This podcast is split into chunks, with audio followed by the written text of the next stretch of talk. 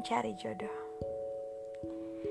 Kamu bisa memilih yang mapan, tampan, gagah, cantik, baik hati, baik akhlak, berpendidikan, berilmu, berpangkat, dan bahkan keturunan orang-orang yang menurutmu oke. Okay.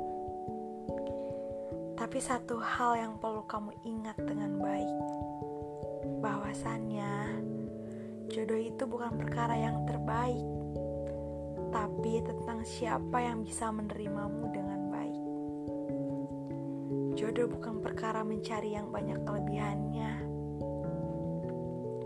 tapi tentang siapa yang bisa tulus mencintai meski kamu banyak kekurangan. Karena jodoh itu bukan perkara mencari yang banyak kelebihannya, bukan perkara mencari yang segalanya nyari sempurna, tapi tentang siapa yang bisa tulus mencintai dan menyayangi, meski kamu banyak sekali kekurangan.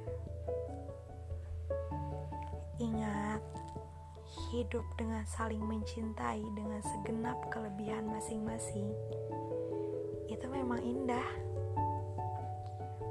tapi hidup dengan orang yang sadar bahwa kita sama-sama memiliki kekurangan itu jauh lebih indah dan mendamaikan. Jodoh bukan tentang mencari yang tampan atau cantik, tapi tentang siapa yang mau bertahan meski keadaan yang sangat tak memungkinkan.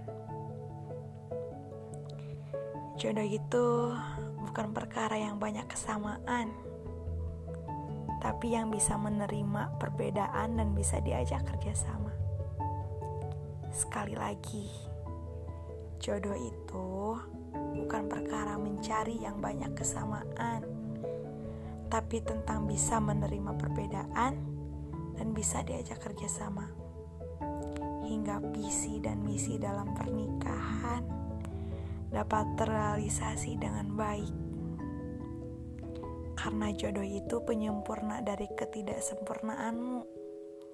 Maka, carilah yang benar-benar bisa membantumu sempurna saat bersama.